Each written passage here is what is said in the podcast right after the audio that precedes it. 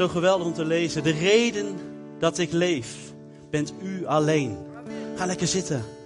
De reden dat ik leef, bent u alleen. Ik word zo geraakt, ik, ik raak nu als ontroerd als ik die tekst hoor. Want de reden dat ik leef, is Hij alleen. En vanmorgen vieren we het avondmaal. En ik mag zo vaak delen over de liefde van Jezus. En een van de dingen die ik zo uh, bemoedigend vind en wat mijn leven veranderd heeft en wat het antwoord is op deze wereld is in Johannes 6, vers 35. Jezus zegt, ik ben het brood dat leven geeft, zei Jezus. Wie bij mij komt, zal geen honger meer hebben. En wie in mij gelooft, zal nooit meer dorst hebben. Luister goed, wie bij mij komt, zegt Jezus, zal geen honger meer hebben. En wie in mij gelooft, zal nooit meer dorst hebben. Jezus zegt, ik ben het levende brood dat uit de hemel is neergedaald. Wanneer iemand dit brood eet, zal hij eeuwig leven. En het brood dat ik zal geven voor het leven van de wereld, is mijn lichaam. Jezus lichaam is de vervulling, is het gat, is die leegte die we hebben. Ik mag veel mensen vertellen over wie Jezus is. En ik merk gewoon, en we merken gewoon, dat in de wereld alles wordt gevuld. Dat gat wordt gevuld, die leegte wordt gevuld. Met van alles en nog wat. Maar niet met Jezus. En wij, ik weet dat Jezus het enige antwoord is. Jezus is het enige antwoord, lieve mensen. Hij is de enige die al je pijn, je verdriet, je, je verlies, je gebrokenheid kan dragen. Hij is de enige die het kan genezen. Hij is de enige die het kan herstellen. Alleen Jezus Christus alleen. Hij zegt, wie bij mij komt zal geen honger meer hebben. En wie in mij gelooft zal nooit meer dorst hebben. Dus als je hier vanmorgen zit en je denkt, oké Heer, u bent echt. Jezus Christus is echt het antwoord, lieve mensen. Hij is het echt. Jezus Christus is voor ons aan het kruis gegaan. Jezus Christus is voor ons aan het kruis gegaan. En Hij is het antwoord. Het mooie is, als je Jezus Christus aanneemt en zegt, oké, Jezus Christus, u bent redder en verlosser en de Heer van mijn leven. Ik geloof in uw dood en uw opstanding. Ik geloof dat u herstel heeft gebracht in de relatie tussen God en de mens. Die afstand is weer hersteld. En de hemel is open. Halleluja. Dat is het volbrachte werk aan het kruis van Jezus Christus. En daar gaat het om. Daar gaat het om. Het volbrachte werk aan het kruis van Jezus Christus. En dan zijn we christen. Halleluja. Als we Jezus hebben aangenomen, want Hij is het antwoord. Dan gaat alles perfect. Dan, ja, dan loop je over een roze wolk. Dan is alles, er gebeurt helemaal niks meer in je leven. Gaat alles perfect. Dan is dat, dat, dat, dat is echt het mooiste wat er is. Jezus Christus. Halleluja, het mooiste wat er is. Echt geweldig. Uh, wie wil dat allemaal? Ah, halleluja. Helaas, helaas. Moet ik je wel vertellen. dat het niet zo gaat. En ja, onze buitenlandse vrienden kunnen misschien over meepraten. Dat als je Jezus aanneemt, dat het niet per definitie makkelijker is. Dat het misschien alleen maar moeilijker wordt. Maar Jezus belooft één ding. En het brood, ik ben het levende brood, dat uit de hemel is neergedaald. Wanneer iemand dit brood eet, zal hij eeuwig leven. Misschien is het hier op aarde voor je op dit moment nog niet zo fijn. Maar Jezus belooft het eeuwige leven. Dus als je vandaag hier voor het eerst zit misschien, of al een aantal keer geweest bent, je denkt, oké, maar die Jezus, die ken ik toch helemaal niet. Ik wil je uitdagen. Ik wil je uitdagen. Ik maakte net een grapje dat het leven alleen maar één groot feest gaat worden. Ja, van binnen zul je gaan merken dat dat gat opgevuld gaat worden. Van binnen zul je merken dat er een fontein van vreugde binnen kan komen. Terwijl je denkt, hoe kan het nou? Ik moet eigenlijk pijn en verdriet en, en uh, hebben. Maar uh, toch is die, dat brandende, die brandende liefde in je hart. Aan de buitenkant kan het storm zijn. Maar ik beloof je, aan de binnenkant garandeert God die rust en die vrede. En daar wil ik het vandaag over gaan hebben met de mensen die al wel een keuze hebben gemaakt voor Jezus. Waar het leven natuurlijk al wel halleluja voor is. Leven wij nog vanuit dat volbrachte werk aan het kruis? Beseffen wij nog dat Jezus heeft gezegd aan het kruis in Johannes 19, vers 30: Het is volbracht. En mooi, Daphne, die snoept al een beetje van de preek weg net toen ze het vertelde. Hartstikke top, mooie aanvulling. En uh, Jezus is gekomen op aarde zijn leven te geven. Jezus droeg, uh, had een aantal uh, taken hier op aarde. En een van de taken was dat hij bekend zou maken wie de Vader was. En dat deed hij in Johannes 8, vers 28 staat, dan zult u weten dat ik het ben.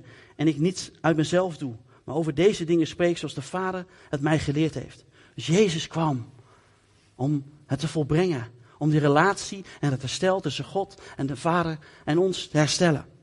Want Jezus Christus maakt werkelijk vrij. Hij maakt vrij van slavernij. Hij maakt vrij van ziektes. Hij maakt vrij van gebondenheid.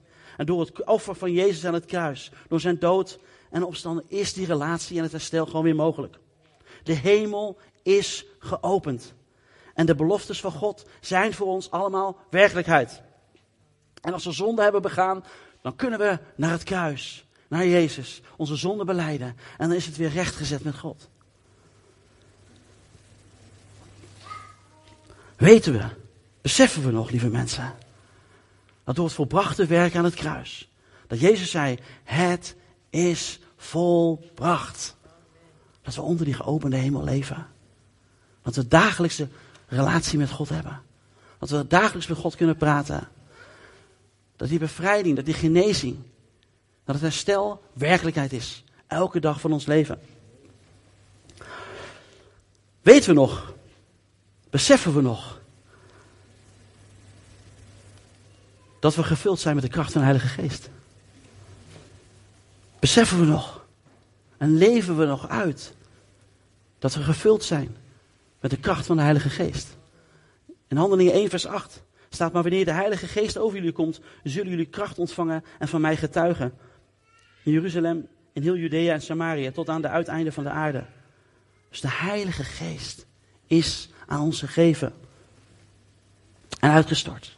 Beseffen we dat nog, lieve mensen? Paulus schrijft in Efeze 1, vers 18: Mogen uw hart verlicht worden, zodat u zult zien waarop u hopen mag, nu Hij u geroepen heeft. Hoe rijk de luister is die de heiligen zullen ontvangen. En hoe overweldigend groot de krachtige werking van Gods macht is voor ons die geloven. Die macht was ook werkzaam in Christus toen God hem opwekte uit de dood en hem in de hemelsferen een plaats gaf aan zijn rechterhand. De macht en de kracht waar Christus mij uit de dood is opgewekt, is in jou. Is in jou. Is in mij. Beseffen we dat nog? Die kracht waar Christus mij uit de dood is opgewekt, lieve mensen. Gewoon een dode opgewekt. Is in ons. Halleluja. Beseffen we dat nog? Voor velen zit het wel hier. Maar zit het ook nog hier? En zit het ook hier? Met de Heilige Geest. In Romeinen 14, vers 17 staat: Want het koninkrijk van God is geen zaak van eten en drinken, maar van gerechtigheid, vrede en vreugde door de Heilige Geest. Gerechtigheid, vrede en vreugde door de Heilige Geest. Beseffen we nog dat die vreugde en vrede in ons is? Hebben we dat nog door, lieve mensen?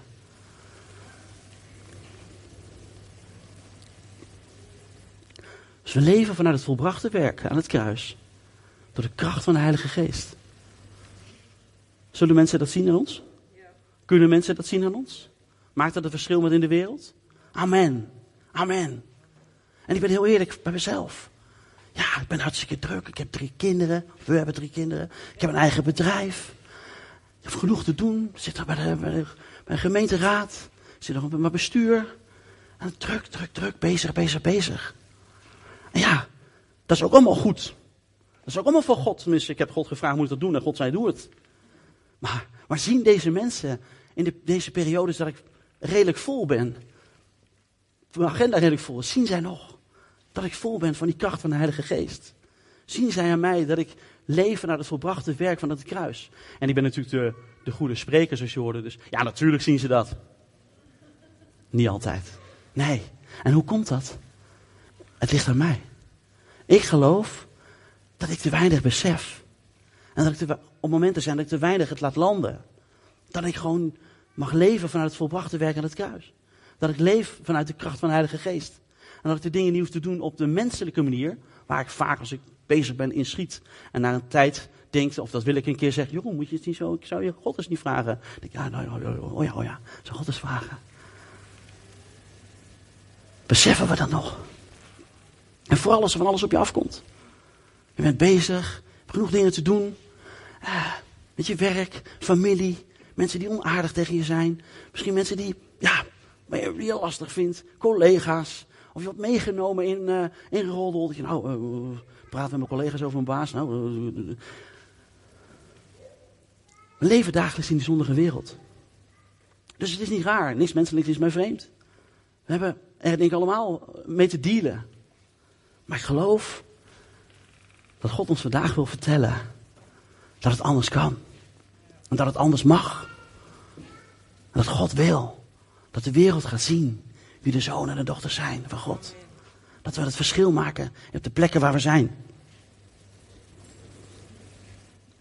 Ik geloof dat, dat het werkelijk te maken heeft met de identiteit in Christus. Weten we ten volle wie we zijn in Christus?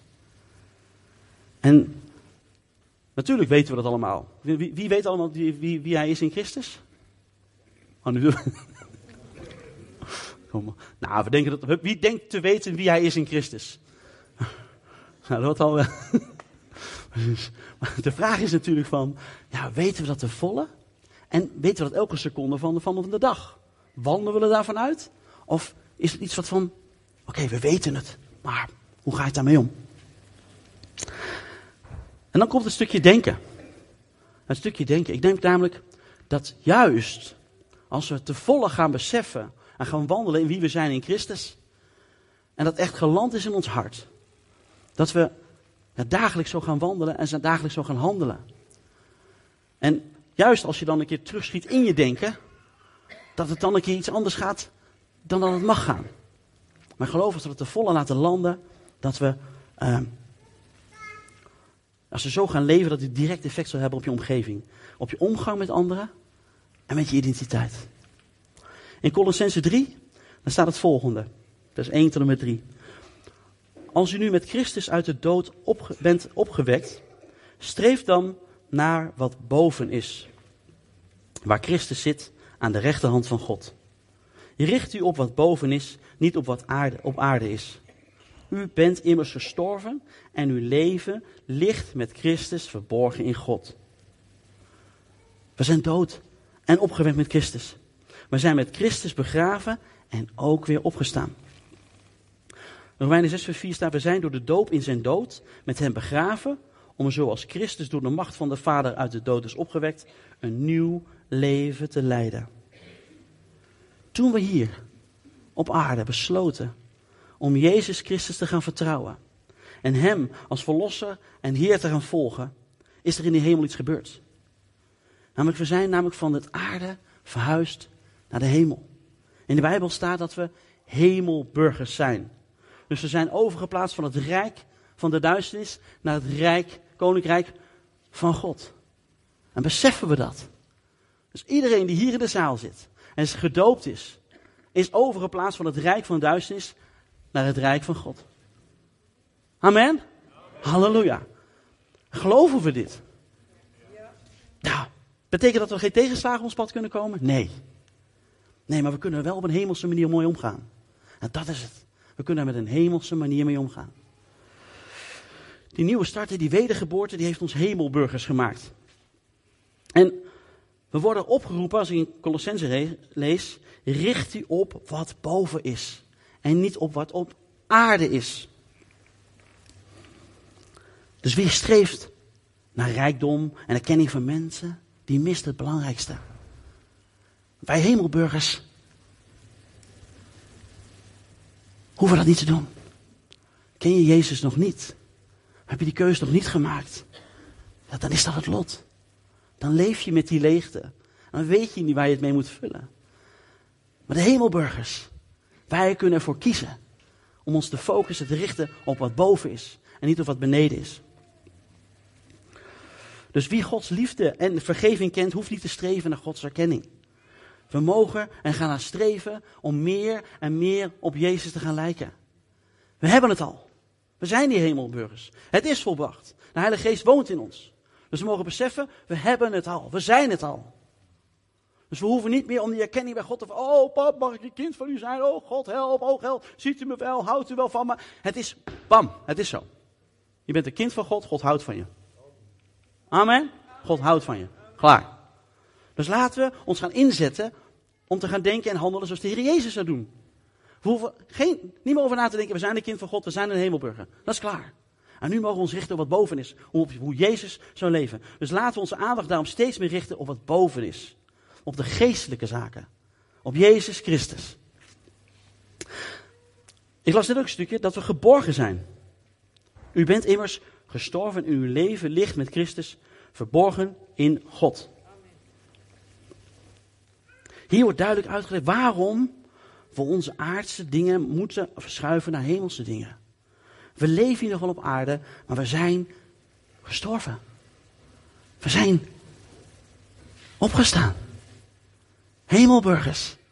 Ons leven hoeft niet meer te draaien om aardse dingen. Daar hoeven we niet meer op te vertrouwen. Jezus zegt, het is volbracht. En we kunnen het niet verdienen, maar God geeft het aan ons. We hebben het al ontvangen. En het is aan ons wat we ermee doen en hoe we ermee omgaan. Nou, klaar, dat was hem. Oh, mooi op tijd. Kan de muziek komen? nee, nee, nee. Ik wil nog een paar praktische stappen. Natuurlijk mooi praten. Van ja, we hebben. Hoe, doe je dat dan? Hoe gaat dat dan? Natuurlijk uh, heeft dat met geloof te maken. Focussen we ons op onze omstandigheden of focussen we ons op Jezus? Geloven we, pakken we dat, dat we een kind van God zijn? Of uh, worstelen we daar nog mee? Dus het heeft met geloof te maken. En hoe groeien we dan in die identiteit? Maar ik geloof dat het een groeiproces is. Ik geloof natuurlijk dat je uh, door patronen in het verleden dingen hebt meegemaakt. Ik geloof dat uh, je gebonden kunt zijn, geestelijk gebonden.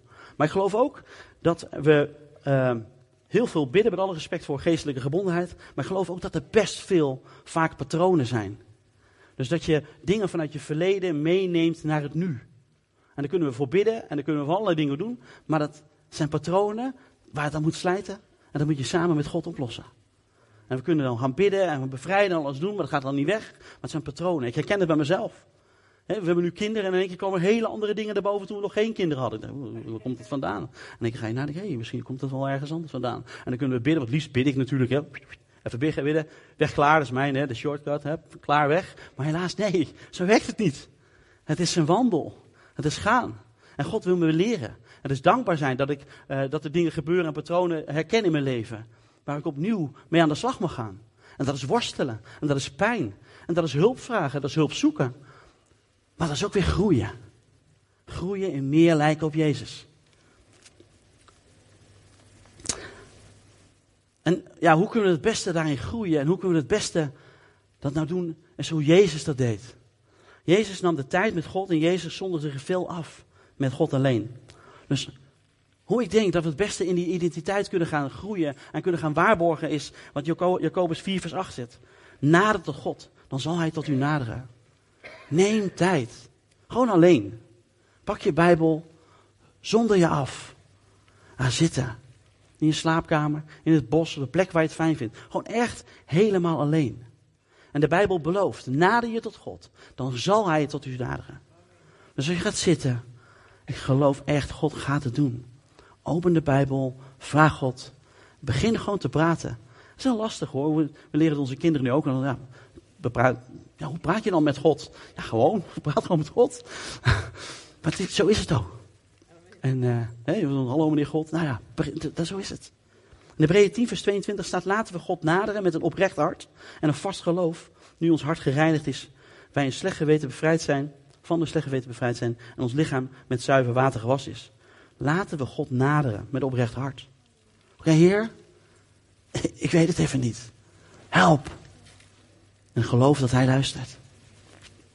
Sta jezelf toe om de aanwezigheid van God te ervaren en geniet van de vreugde en de vrede en de heerlijkheid. Dit vraagt een oefening. Dus als je je Bijbel openslaat en je gaat met God zitten, dat is niet van, nou, ik ga vandaag zien, ik hoor niks, ik zie niks, nou, dat zal hier wel niet zijn. Nee, nee, nee, nee, nee. Dat heeft tijd nodig. Dat heeft tijd nodig. Gewoon consistent, elke dag, elke week. Gewoon maak daar tijd voor. Zoals je tijd maakt om je boterham te eten, om je tanden te poetsen, maak je ook gewoon tijd in je patroon, tijd om met God te zijn. Jezus kende de schriften, nu is hij ook het levende woord. Dus, uh, want anders wil zeggen, ja. Oh, oh de connect, oh. Vraag God, even, zo even een stapje terug, vraag God, als je in die tijd bent, vraag God in welke leugens je bent gaan geloven. Vraag God in welke leugens. Ik geloof namelijk dat we in heel veel leugens zijn gaan geloven. Leugens over onszelf, uh, leugens die, waar we mee opgevoed zijn, uh, leugens die van buitenaf komen. Bijvoorbeeld, een leugen kan zijn dat als iemand altijd tegen je gezegd is: Jij bent niet goed, het wordt nooit wat. Dan is dat eerste contact en ik, ja, maar God is mijn vader en ik ben zijn kind en ik moet van hem houden, hoor ik net. En hoe gaat dat dan? Maar ja, maar, ja, maar, ja, maar ja, ik ben het niet waard. Dat is een leugen. Dus in die tijd geloof ik dat je samen met God gewoon vragen. Wil ik je echt meegeven? Vraag vandaag, vanmiddag, vraag echt. Heer, in welke leugens geloof ik op dit moment?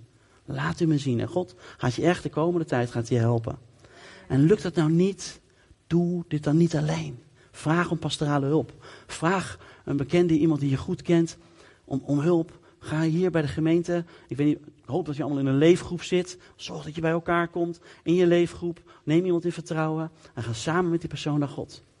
En vraag, Heer, help. In welke leugens ben ik gaan geloven? Het andere verhaal is mediteren en, en, en, en lees je Bijbel en mediteren op het woord. Dus door echt tijd te nemen met de Bijbel en de Heilige Geest te vragen om tot je te spreken. In Hebreeën 4 vers 12 staat, want levend en krachtig is het woord van God. En scherper dan een tweesnijdend zwaard. Het dringt diep door tot waar ziel en geest, been en merg elkaar raken. En het is in staat de opvattingen en gedachten van het hart te ontleden. Door dus door de Bijbel te lezen, zullen de opvattingen en gedachten van het hart ontleed worden. Dus het is volbracht door de kracht van de Heilige Geest. En je denkt, oké, hoe zit dat? Lees je Bijbel. God gaat de leugens aan het licht brengen. Hij gaat je helpen om meer en meer en meer en meer op Jezus te laten lijken. Jezus dankte God, de Vader in al zijn gebeden. Wees dankbaar. Dat is een sleutel. Dankbaarheid is een sleutel. Een sleutel om te groeien in identiteit met God. Filippenzen 4, vers 6 en 7. Wees of niets, over niets bezorgd, maar vraag God wat u nodig hebt. En dank Hem in al uw gebeden. Dan zal de vrede van God, die alle verstand te boven gaat, uw hart en gedachten in Christus Jezus bewaren. Dus door dankbaarheid ontvang je vrede. Ik heb er zelf ervaring mee. Als dingen niet gaan zoals ze gaan. En ik denk, Heer, hoe kan het? Maar oké, ik dank u voor deze situatie. Oké, hoe kan ik u hiervoor danken? Maar ik doe het. En ik ervaar gewoon dat na een tijdje, als je God blijft danken en, en God blijft vertrouwen en God blijft loven en prijzen, zelfs voor dingen waar je denkt van hoe kan het hier, help, dit, dit is een onmogelijke situatie, ontvang ik toch die bovennatuurlijke rust en vrede om door te gaan. Amen. Door de dankbaarheid namelijk ben je gericht op God. In plaats van op de omstandigheden. Door de dankbaarheid richt je op Jezus in plaats van op je problemen.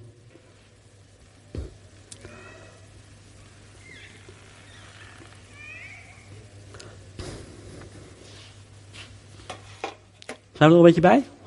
Mooi. Volbrachte werk, daar gaat het om. En ik wil echt uh, ons elkaar uitdagen om weer te gaan wandelen en te gaan beseffen dat Jezus het, het heeft volbracht. Het is volbracht. Als, je Jezus aangenomen als je redder, verlosser, Heer en Heiland. Dat de Heilige Geest in je woont. Dat je de kracht hebt ontvangen om de wereld te winnen voor Jezus. Ik heb nog een, een gedeelte bij.